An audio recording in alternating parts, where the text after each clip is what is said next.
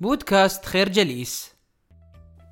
في يومنا الحاضر تصب الكثير من وسائل الإعلام جل اهتماماتها على جذب القراء ولذلك تعمد وسائل الإعلام هذه على تزويد المتابعين بمعلومات بسيطة للغاية ومليئة بالدراما بدل تقديم معلومات مستفيضة ومفصلة. نتيجة لذلك أصبح لدى الكثير من الناس نظرة سلبية غير حقيقية لما يدور في العالم.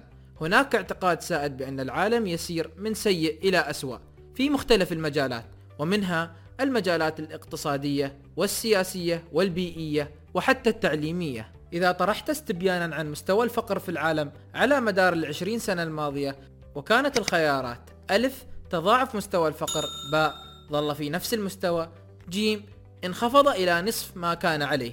فإن الكثير من الناس سيختار إجابة سلبية وخاطئة رغم أن الإجابة الصحيحة هي أنه انخفض إلى النصف.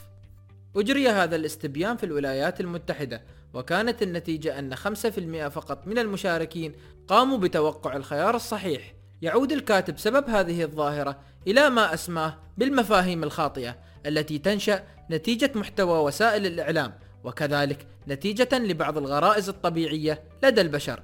من أهم المفاهيم السلبية المنتشرة في المجتمع الغربي هو الاختلاف بين الشرق والغرب حيث يعتقد الكثير بأن معظم دول الشرق دول نامية لا تستطيع أن تعيش حياة متحضرة كالتي يعيشها الغرب. ذلك رغم بزوغ الكثير من الدول النامية وتفوقها خلال القرن الماضي كاليابان والصين وكوريا الجنوبية. الفكرة المفاهيم الخاطئة السائدة لدى البشر هي ناتجة عن عدة عوامل غريزية وخارجية وهي تمنعنا من رؤية وفهم العالم بدقة. في عام 1800 كان يعيش 85% من سكان العالم تحت خط الفقر.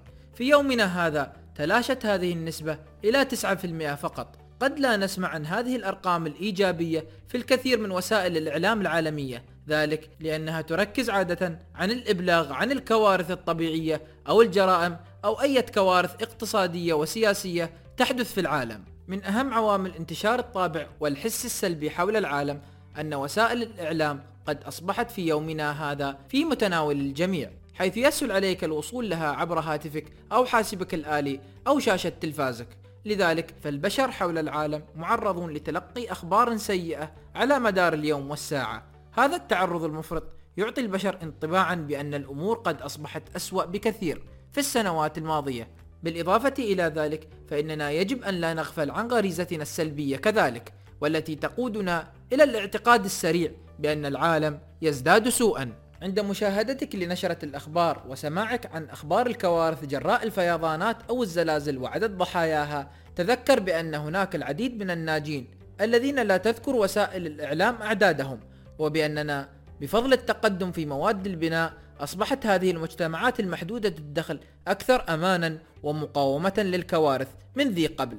في الواقع فإن معدل الوفيات بسبب الكوارث الطبيعية في يومنا هذا هو 25% فقط مما كان عليه قبل 100 عام. الفكرة وسائل الإعلام وغرائزنا السلبية تلعب دورا كبيرا في تضليل فهمنا للجوانب الإيجابية في الحياة. قد تسمع في الكثير من التقارير الحالية بأن عدد سكان العالم سوف يتزايد بشكل مضطرد في المستقبل حتى يصل إلى حدود لا يمكن السيطرة عليها أو إيواؤها. يأتي ذلك نتيجة لما يسمى بغريزة الخط المستقيم التي تتبين لك إذا رأيت خطا بيانيا مستقيما.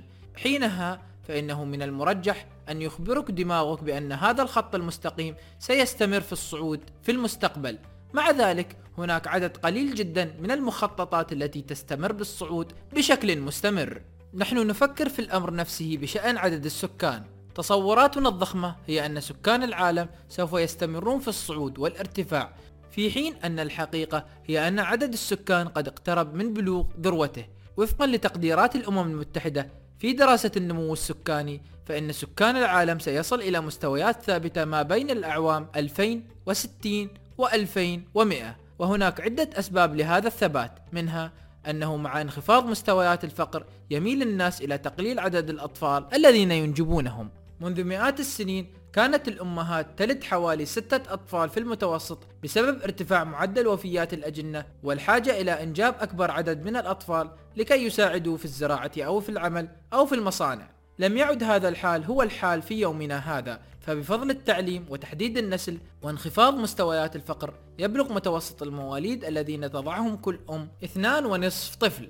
إن غريزة الخوف من تزايد حجم السكان تقودنا إلى المبالغة في تقدير المخاطر التي قد تخلقها لنا هذه الغريزة.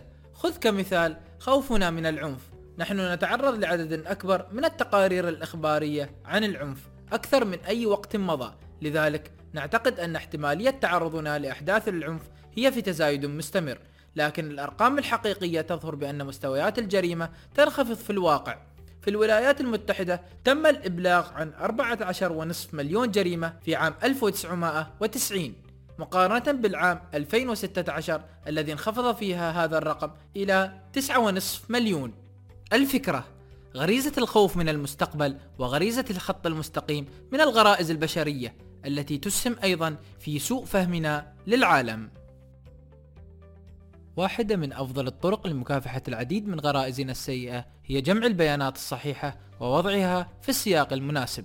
إذا قرأت أن أربع ملايين طفل قد ماتوا في العام الماضي فإن ضخامة هذا العدد قد يدفعك إلى الاعتقاد بأننا نعيش في أوقات عصيبة.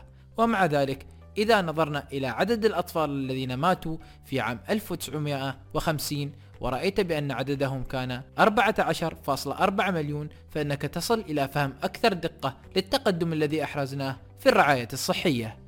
كذلك من أفضل الطرق لتجنب التعميم السلبي هي السفر ورؤية الثقافات الأخرى بشكل مباشر وهي طريقة رائعة للاطلاع على وجهات النظر المتعددة وهو أمر مهم جدا. نظرا لأن اتخاذ وجهات نظر محدودة يمثل حاجزا كبيرا يحول دون الوصول إلى نظرة عالمية دقيقة.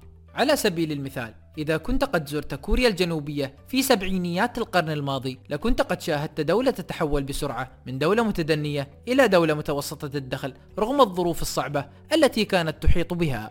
حقيقة الأمر هي أن العالم معقد للغاية. ويكمن السر في فهم تعقيده من خلال الاطلاع على أكبر عدد ممكن من وجهات النظر. وهذا هو السبب أيضا في قصر نظر الكثير عندما يحصرون رؤيتهم على فرد واحد أو حتى مجموعة واحدة كمصدر لمشكلة ما.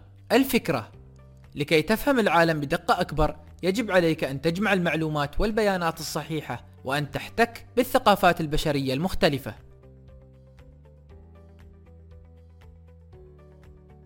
نشكركم على حسن استماعكم. تابعونا على مواقع التواصل الاجتماعي لخير جليس.